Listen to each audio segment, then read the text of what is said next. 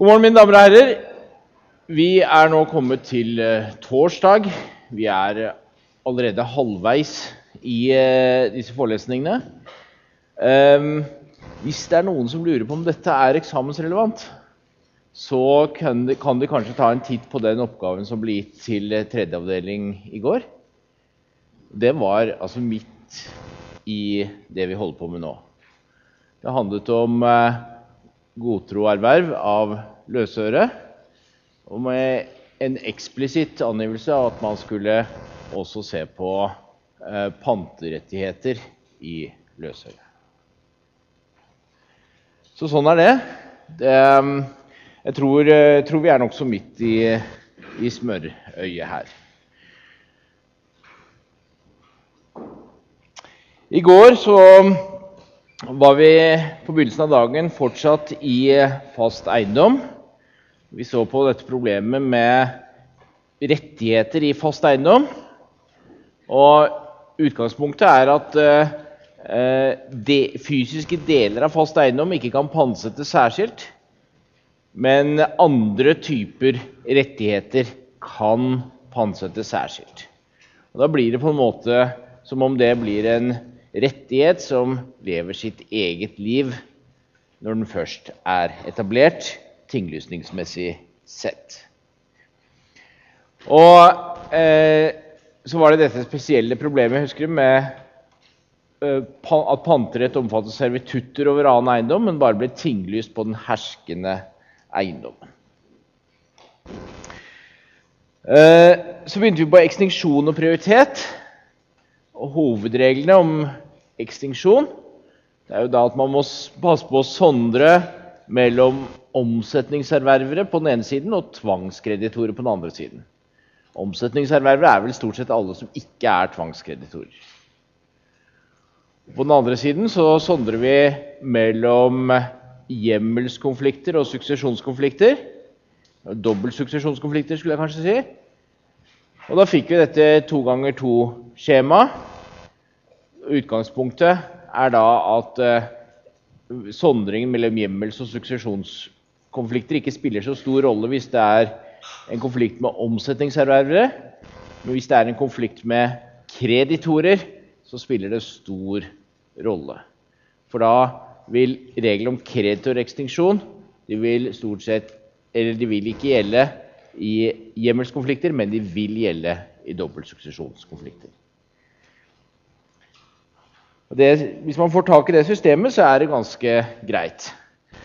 Jeg ga dere et par hjelpemidler til å se på dette. Det ene var HASB-skjema, og det andre var det litt mer kompliserte skjema som, som, jeg liker. Hvorfor gjøre det enkelt når man kan gjøre det så herlig komplisert? Så, på, så vi på overdragelse av pantretter. Eh, og Der var poenget at eh, er pantretten først etablert, så går det etter eh, reglene i gjeldsbrevloven når det gjelder overdragelse og pantsettelse av disse. Tomme prioriteter kunne altså oppstå når lån var nedbetalt. Og da var det en eh, opplåningsrett og en opptrinnsrett. Og Da husker vi at um, eh, det var denne tegningen her. Altså man, den som er på førsteprioriteten, har lov til, hvis eh, pantsetteren ønsker det, da, å låne opp panteobligasjonen. Og den som er på andreprioriteten, har i prinsippet opptrinnsrett når den er eh, nedbetalt. Så selv om man sier at det er opptrinnsrett, og at det er opplåningsrett, så er det en konflikt mellom de to rettighetene. Og Da må man på en måte finne ut ja, hvordan skal man løse dette. Selv syns jeg det aller greieste måtte være å bare si at ja, førsteprioritet er førsteprioritet. Men eh, nå er det jo ikke sånn at man alltid kan bruke sin rett ubegrenset. Og Høyesterett har da sagt Josef-dommen det står en henvisning på tavla, eh, har sagt at førsteprioriteten kan ikke låne opp dersom det er illojalt overfor annenprioriteten. Og det er illojalt dersom det ikke er nødvendig for førsteprioriteten å låne opp. Og annenprioriteten har sagt at vi er avhengig av opptrinnsretten. Det er ikke illojalt av førsteprioriteten å låne opp dersom eh,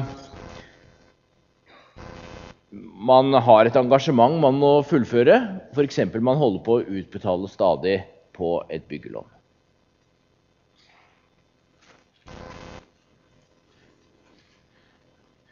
Hvordan kunne dere bidra til å gjøre dette litt greiere i verden? Det er jo ikke sånn at jurister bare skal løse konflikter. Man kunne jo tenke seg at man skulle, skulle bidra på en eller annen måte til å hindre at det oppstår konflikter her. Og det er jo litt tullete å skulle avgjøre så viktige spørsmål på en måte som, gjør, som er nokså skjønnsmessig, sånn at enten så folk, blir folk overforsiktige, sånn at de tør ikke å utnytte pantets verdi, eller så er de for lite forsiktige, sånn at én lider tap. Og det blir kanskje også mye mas med å få løst konfliktene. Jeg tror at eh, det som ville være en kjempegod idé, var om man skrev eksplisitt i pantedokumentet på førsteprioritet at man har opplåningsrett. Eventuelt på hvilke vilkår. For da vil man jo ha prioritet for denne opplåningsrettigheten og ville kunne sette Josef-dommen til side. For det kan jo ikke være illojalt når man har sagt det tydelig, å benytte seg av en opplåningsrett. Nå står det bare i standard panteobligasjoner at annenprioriteten har opptrinnsrett. Det ville vi vel antatt selv om det ikke sto. Og det løser jo ingen av disse problemene. Derimot, en god klausul på førsteprioritet, det ville løse dette. Så hvis noen av dere skal sommerjobb i bank til sommeren, så foreslå det. Så se hva som skjer i lunsjen da. Det blir en god diskusjon, tror jeg.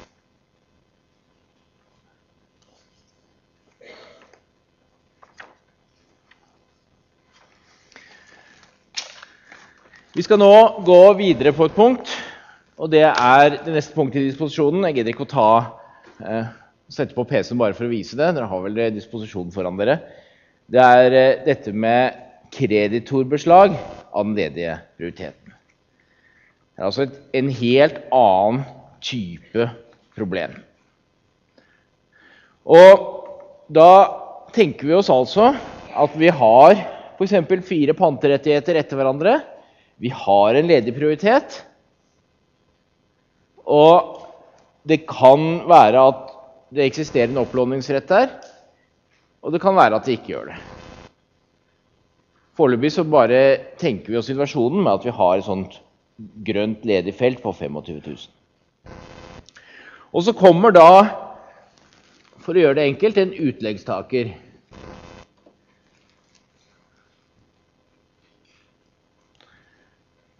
Og utgangspunktet er, som jeg antydet med tegningen nå, paragraf 20 i tinglysningsloven.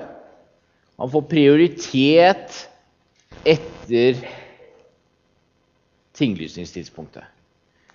Siden panterett nummer 1, 2, 3 og 4 er tinglyste, så blir det prioritet etter det. Så langt er alt greit. Tror jeg, da. Spørsmålet er kan utleggstakeren også beslaglegge den ledige prioriteten.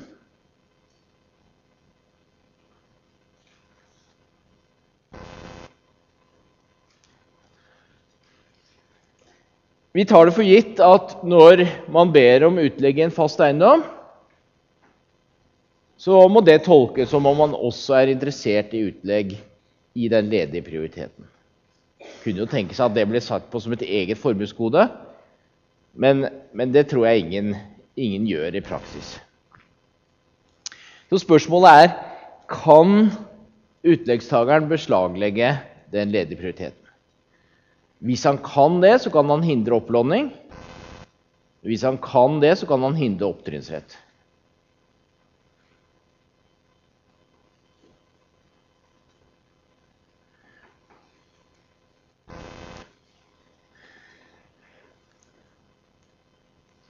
Opplåningsretten den har bedre eh, prioritet enn utlegget. Men det er en rettighet ikke bare for eh, eh panthaver, men også for pantsetter. Det er klart, Panthaver kan jo ikke liksom si at ja, nå skal du ha 25 000 kroner mer i lån, enten du vil eller ikke. Det er jo en rettighet først og fremst for pantsetter. Han kan utnytte den ledige prioriteten på 25 000 kroner. Enig i det?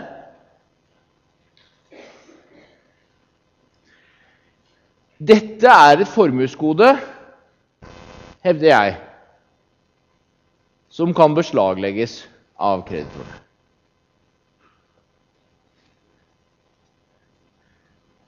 Kona mi vil pusse opp badet. Så sier hun eh, til meg ja, men eh, blir ikke det veldig dyrt lån, for da vi har jo så masse lån på huset. Og så sier jeg til henne at nei, vi får veldig gode vilkår, for vi har faktisk litt ledig prioritet. 25 000 på veldig langt fremme på førsteprioriteten. Flott, sier hun. Det var jo godt vi hadde dette formuesgodet. Og så sier sønnen min som studerer juss, au da, men det er jo et formuesgode. Det kan beslaglegges av kreditorene. Ja, sånn snakker vi hjemme på middagsbordet hos oss, selvfølgelig.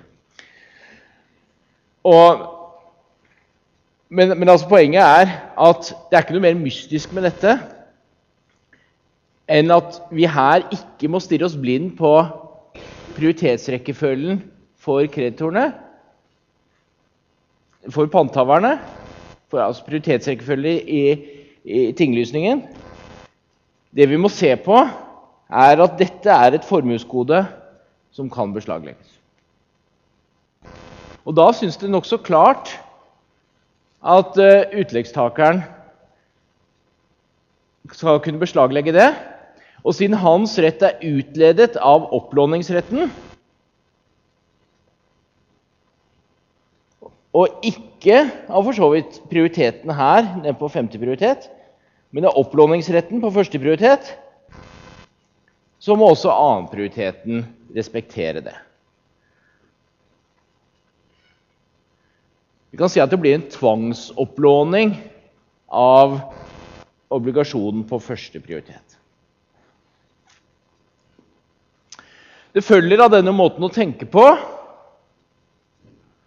at dersom førsteprioriteten ikke kan opplåne, f.eks. For fordi vi har en Josef-situasjon Annenprioriteten har sagt at kjære førsteprioritet, nå må du ikke opplåne, for det vil være illojalt overfor meg, for jeg har jo stort på at jeg kunne få sikkerhet i de 25 000. Og kanskje førsteprioriteten til og med har svart tilbake og sagt at Selvfølgelig. Jeg har ikke noe behov for det. I et sånt tilfelle hvor det ikke er noen opplåningsrett, så er det heller ikke noe å ta kreditorbeslag i. Da kan utleggstakeren ikke ta den her. Da vil opptrinnsretten til annenprioriteten gå foran. Men dersom man har en opplåningsrett på førsteprioritet, så er det et formuesgode som utleggstaker kan ta beslag i.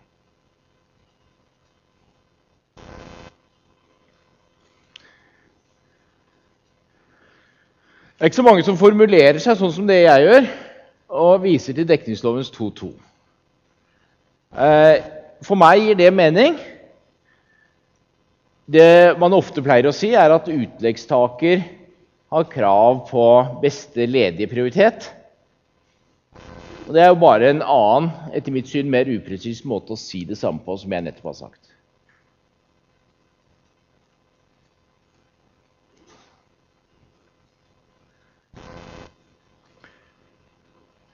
Den alminnelige oppfatningen er at, at gjeldende rett her er klarlagt. Og dette legges jo til grunn da i, eh, antageligvis i diverse tvangsaksjoner og tvangssalg eh, i det daglige. Det er jo heldigvis ikke så veldig mange av disse sakene om fordeling av tvangsaksjonsproveny, eller det man får på tvangsaksjonen, som kommer til Høyesterett og blir rapportert. Men eh, man kan jo bare spørre eh, folk som driver med det, hvordan dette løses i praksis.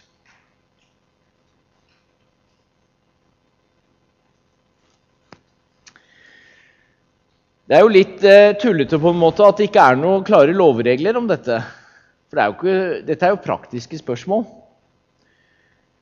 Nå var det jo en gluping som, som foreslo noen gode regler. Eller var Falkanger-utvalget. Men det er jo nå snart 30 år siden. Og jeg tror Altså min, mitt stalltips er at eh, den ikke bare er i en skuff i departementet, men det har gått i rundfylla. Søppelkassa, altså. Jeg tror på en eller annen måte at uh, de ikke har tenkt å lage noe lov ut av den NOU-en. Men der står det masse glupe ting om dette. Og Det er jo da noen som har lest i andre departementer.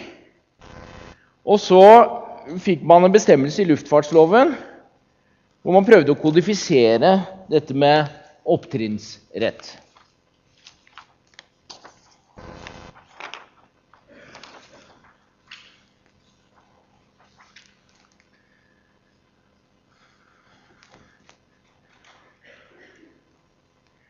En helt eller delvis innfridd panteobligasjon kan etter avtale med hjemmelshaveren til det beheftede luftfartøy gjenopplånes, utnyttes på ny, slik at den gir sikkerhet for det nye beløp med samme prioritet som det innfridde beløp.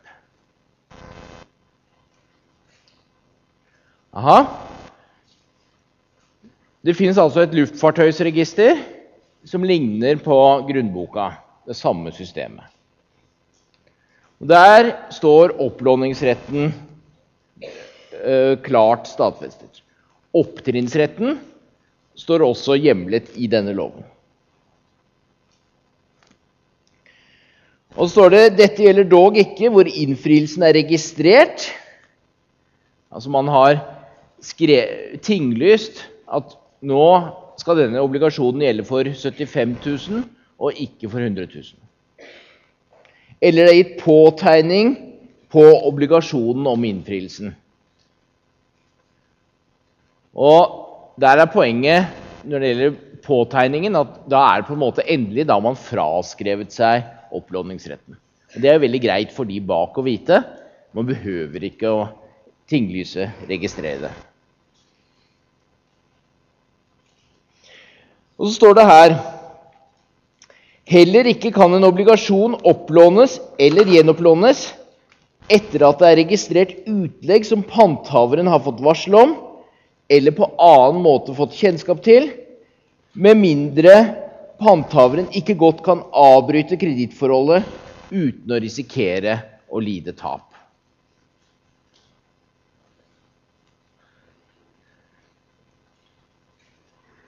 For det første, dette sier at opplåningsretten forutsetningsvis kan beslaglegges av utleggstakeren. Og for det andre når den er beslaglagt, så kan ikke førsteprioritets panthaver benytte den. Det er, er nokså selvsagt. Og så står det et unntak, som vi også finner i, i Josef-dommen. Det er dette berømmelige byggelånet, ikke sant? Hvis grunnen til at det er 25 000 kroner ledig prioritet, så uh, får det øh, hvis grunnen til det er at man holder på å betale ut for å få bygget ferdig, så må man få lov til det. Det er jo på en måte ikke prioriteten ledig, bare, utbetalingen har bare ikke skjedd ennå. Men det er nødvendig for banken å finansiere huset ferdig for at uh, pantet skal bli noe verdt. Og I et sånt tilfelle så kan utleggstakeren ikke beslaglegge den ledige prioriteten. Dette ligner veldig på de reglene vi har kommet fram til eh, på annen måte. Og Sånn sett er luftfartslovens 330 det er en uunnværlig huskeregel for dere. Og Den får du lov til å ha med til eksamen, da. Så det er jo veldig kjekt. Sett en henvisning. Ikke sant? Men det, alt sånne ting kan dere jo nå. Men um, det er én ting som står her, som for så vidt jeg ikke har sagt noen ting om, og som ikke er så lett å utlede fra gjeldende rett ellers. Og det er at uh, forutsetningen for at man ikke skal kunne låne opp førsteprioriteten etter at det har kommet et utlegg bak, det er at man har fått varsel om utlegget. Ser dere det? utlegg som panthaveren har fått varsel om eller på annen måte kjennskap til.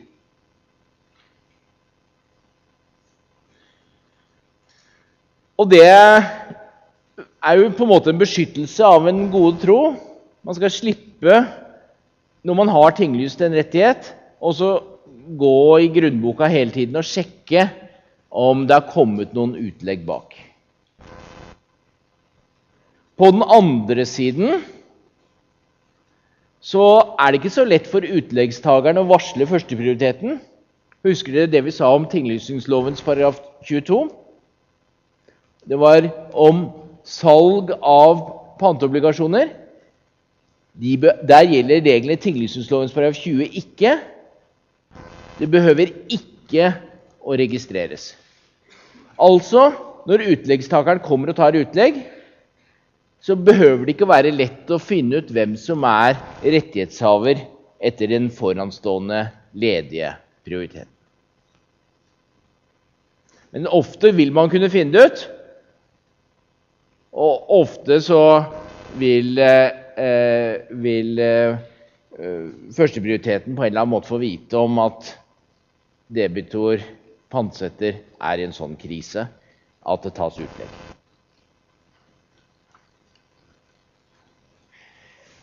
Det finnes en tilsvarende bestemmelse som dette i borettsloven. Jeg har ikke gått så mye inn på den, men der er det altså bestemmelser som ligner på tinglysningsloven, og tinglysningen skjer i grunnboka. Borettsloven nummer 39 2003, paragraf 6-10. Så her har vi altså to litt spesielle bestemmelser som sier det samme. Men departementet har ikke tatt dette inn i tinglysningsloven. Det kunne de ha gjort.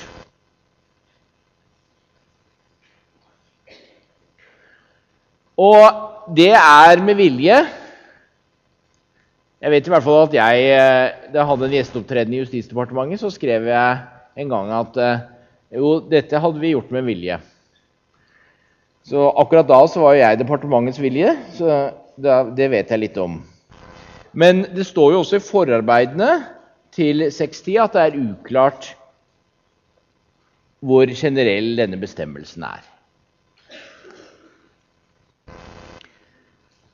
Men det er jo ikke så dumt da, når man drøfter dette i en eh, eksamensoppgave f.eks.,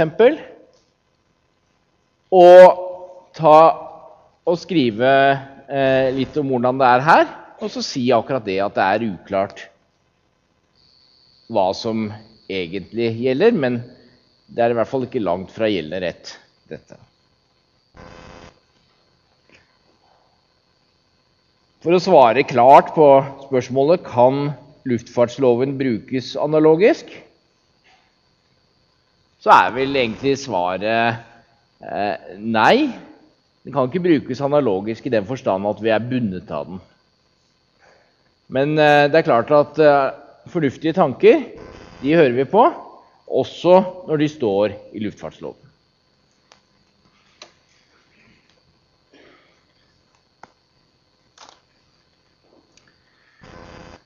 Da har jeg sagt nesten alt jeg vil si om eh, ekstinksjon og prioritet. Men det var én ting jeg tenkte jeg skulle minne dere på. Husker dere vi snakket om hjorteobligasjoner? Det var sånne tilfeller der hvor pantedokumentasjonen som var tinglyst, sa noe annet enn uh, gjeldsbrevet som avgjorde hva forholdet mellom meg og banken, altså det jeg faktisk hadde lånt. Så en proforma-obligasjon som var større, gjerne, enn en, enn en, en gjeldsbrevet som eh, regulerer låneforholdet. Kan det tenkes at det spiller noen rolle om man har brukt en gjort-obligasjon her? Sånn at det f.eks. er større adgang til opplåning når obligasjonen er gjort, enn når den ikke er gjort. Resonnementet da det må vel være noe sånt som at eh, når førsteprioriteten er gjort her når man har liksom sagt at vi skal ha pant for 100 000 eh, Riktignok så gir vi ikke større lån enn 75 akkurat nå, men vi skal bare ha en sånn blanko panterett.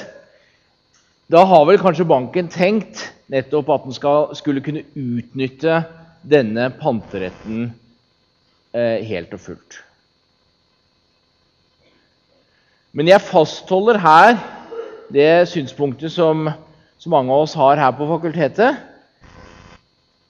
at for det første Høyesterett har aldri tillagt det betydning at en obligasjon er gjort.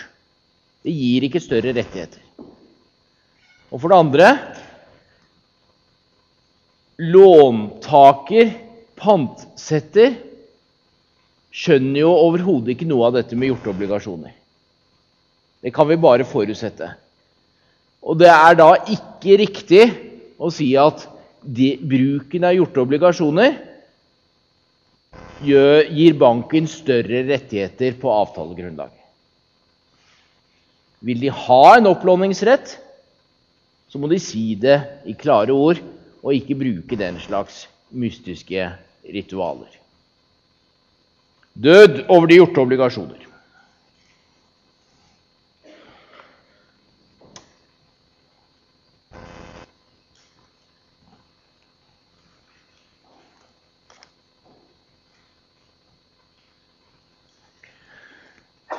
Nå skal vi prøve å eh, få ned abstraksjonsnivået litt. Jeg tror at god jus eh, har et lavt abstraksjonsnivå. Og jeg har beveget meg litt høyere enn jeg egentlig liker. Selv om jeg tror, føler at jeg har hatt beina på jorda hele tiden. Det er lite sånn ekstinksjonsfilosofi her og sånn. Men nå skal vi bare se hvordan, hvordan skjer et vanlig salg av en eiendom. Hvordan funker disse reglene da? Og Da får vi se litt på rettighetsovergangen. Det første som skjer, det er jo at man går på visning og sånn. Og så bruker man litt mindre tid enn man bruker til å kjøpe en uh, olabukse. Og så bestemmer man seg og er heldig overbevist om at nå skal man kjøpe et hus til 4,5 millioner kroner. Og så setter man seg glad og lykkelig ned for å undertegne en kjøpekontrakt. Så langt er det avhendingslova og kontraktsretten. Det bryr vi oss ikke om her. Kan denne kjøpekontrakten tinglyses? Hvorfor skulle man være interessert i det? Jo, for, det, for å sikre rettighetene etter kjøpekontrakten. F.eks. dersom selgeren går konkurs. Da ser vi i den alminnelige regelen i tinglysningslovens paragraf 12 om at alle dokumenter som angår bl.a. å stifte en rettighet i en fast eiendom, kan tinglyses. Det må være en rettighet i en fast eiendom. Men er det en kjøpekontrakt, altså for en bestemt eiendom, så er det ikke lenger tvilsomt om dette, at dette er en rettighet i eiendom.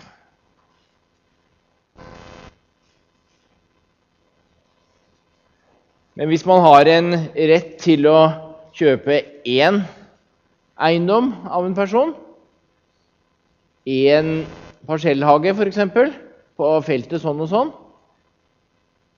så blir det kanskje ikke så lett å få tynglyst det. Man må vite hvor det skal tynglyses, i hvert fall.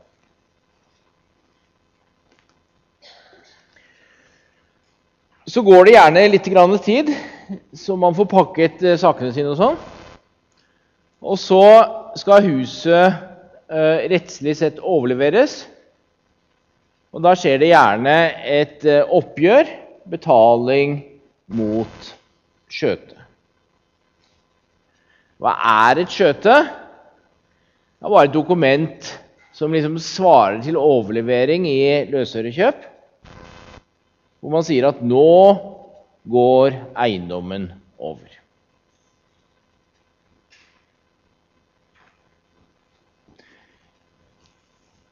Det er eh, teknisk sett ikke noe vanskelig å utforme et skjøte bare som eh, en litt avansert kvittering eller en påtegning på kjøpekontrakten. Men dette skjøtet vil man gjerne ha tinglyst, fordi man vil gjerne stå som eier av den nye eiendommen. Og da står det i paragraf 14 annet ledd i tinglysingsloven at når man har tinglyst et dokument som gir uttrykk for et ubetinget eiendomserverv,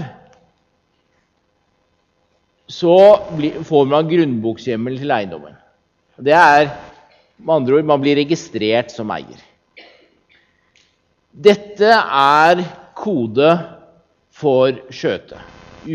Dokument som gir uttrykk for et ubetinget eiendomserverv. Og når man får tinglyst det, så er man altså registrert som eier av eiendommen. Hvis skjøtet skal være eh, eh, utformet på grunnlag av kjøpekontrakt eller kvittering, så må man passe på å ha det på eh, et formular. Det er et foreskrevet formular for skjøter. Og man må passe på at det er et ubetinget eiendomserverv, i den forstand at man sier at nå er, eh, nå er eh, kjøpesummen som det står at skal betales i kjøpekontrakten, den er nå betalt.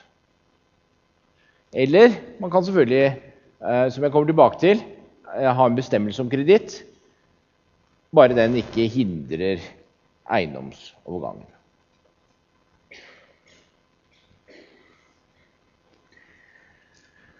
Og så er det det neste punktet. Det er besittelsesovergang.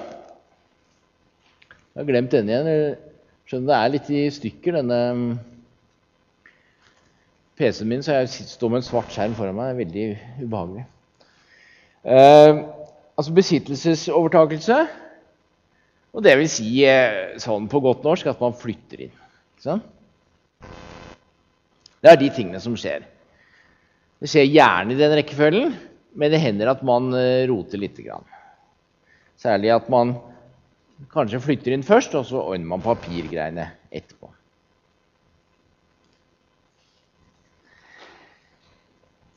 Grunnen til at jeg sier noe om dette nå, det er at eh, det er jo viktige pantespørsmål som oppstår i en sånn overgangssituasjon. Og vi må se litt på eh, pant av den typen hvor selgeren har gitt kreditt med en del av kjøpesummen, skal betales over en del år, og gjerne vil ha pant for denne. Og det er dette som kalles forbehold ved avhendelse. For de av dere som har lest litt eh, i pensum, så vil dere si at dette ligner på salgspant for løsøre. Men det er forbehold ved avhendelse vi gjerne snakker om her. Og da har vi en eh, prioritetsregel i tinglysningslovens paragraf 21 tredje ledd. Og Den er litt knotete, men eh, hvis man får eh, tak i den, så er den jo for så vidt eh, ganske grei. Skal vi se.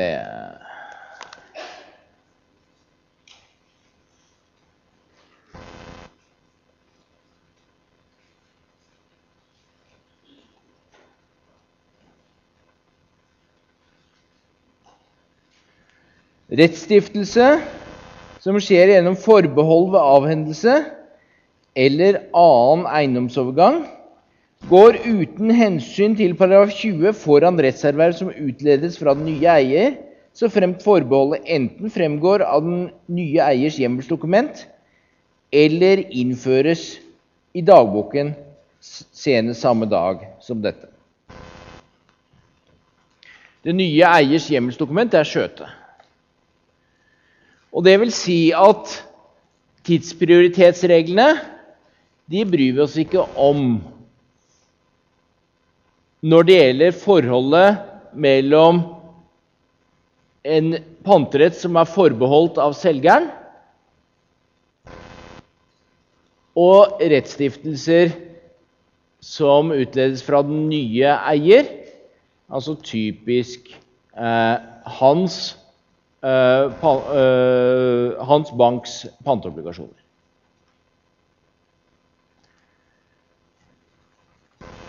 Og Det vil si at eh, hvis jeg kjøper en eiendom, så kan jeg få lov til å ordne med tinglysning av pantet mitt, pantelånet mitt, som jeg bruker til å finansiere eiendommen, før jeg har fått skjøte. Men så lenge skjøtet ikke er gitt, så kan selgeren på en måte si at 'jeg skal ha en panterett som går foran dette', selv om den panteretten enda ikke er tinglyst. Så 21 tredjeledd er en prioritetsregel. Og uavhengig av tinglysningstidspunkt så er, går selgerens forbehold ved avhendelse foran.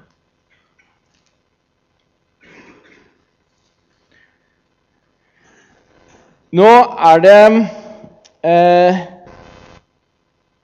et spørsmål her om eh, det er et krav til hjemmel i avtalen.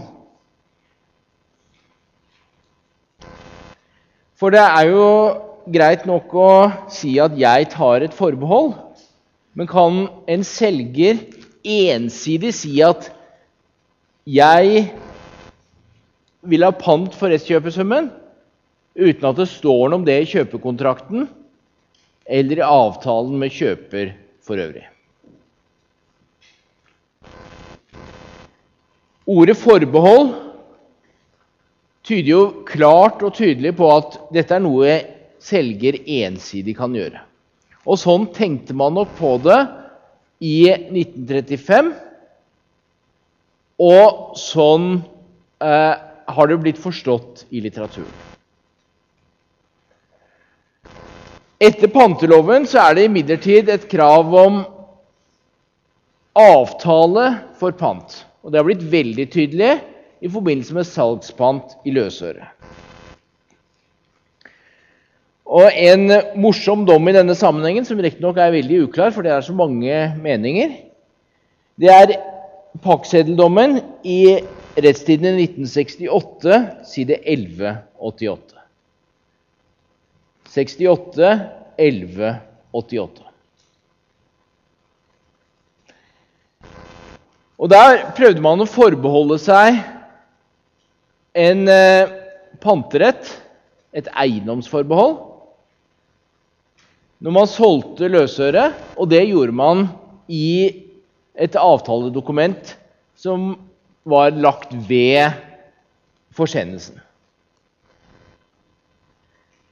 Og Det som i hvert fall er helt sikkert, er at det ikke var av, avtale, for det hadde man ikke avtalt allerede. Det ble kanskje det når man fikk vite om det, men spørsmålet var da om det var tatt for sent osv.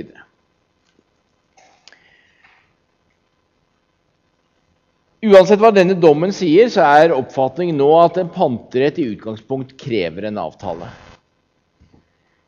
Og jeg tror nok at dette synspunktet må gjelde også her når det gjelder forbehold om avvendelse. Så Tinglysningslovens 21. tredjedel sier noe om prioriteten til forbeholdet, men det sier ikke at man alltid kan ta et sånt forbehold. Men her, som jeg nevnte allerede, er det litt delte oppfatninger i litteraturen.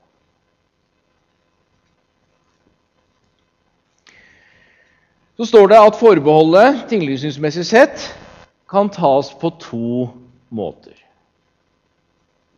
Det ene er at man skriver inn i skjøtet at det skal være pant for restkjøpesummen.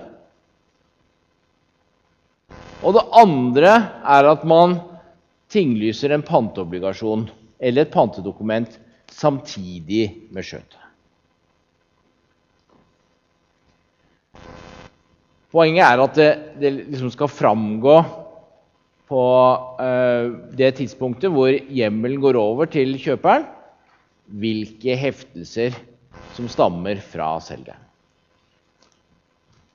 Jeg prøvde en gang, jeg hadde så lyst, og så var det en avdeling som bød seg. Og så skrev jeg inn i skjøtet et sånt forbehold om pant.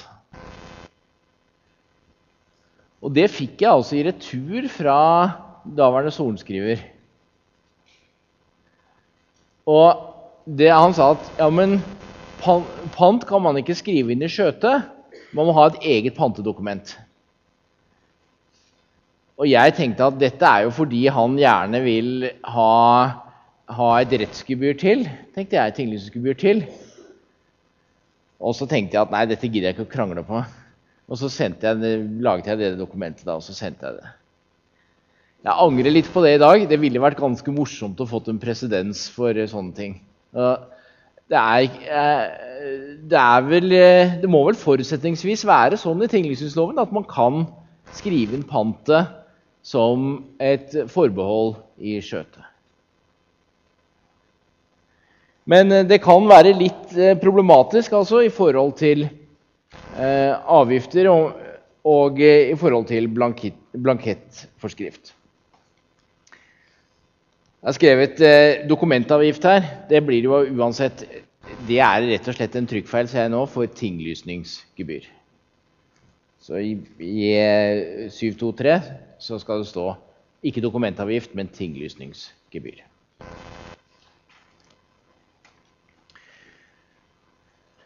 Da veit vi litt om eh, hvordan dette foregår.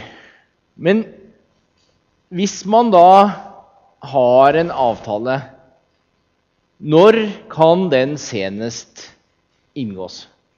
Det greieste er jo selvfølgelig at man skriver det inn i salgsavtalen. Der står det at det er pant for restkjøpesum. Men eh, dette må vi se nærmere på, for her må vi prøve å koordinere tenkningen vår med den kontraktsrettslige tenkningen som fremgår bl.a. av avhendingsloven paragraf 5-3. Det skal vi gjøre etter pausen. Vi ses om 15 minutter.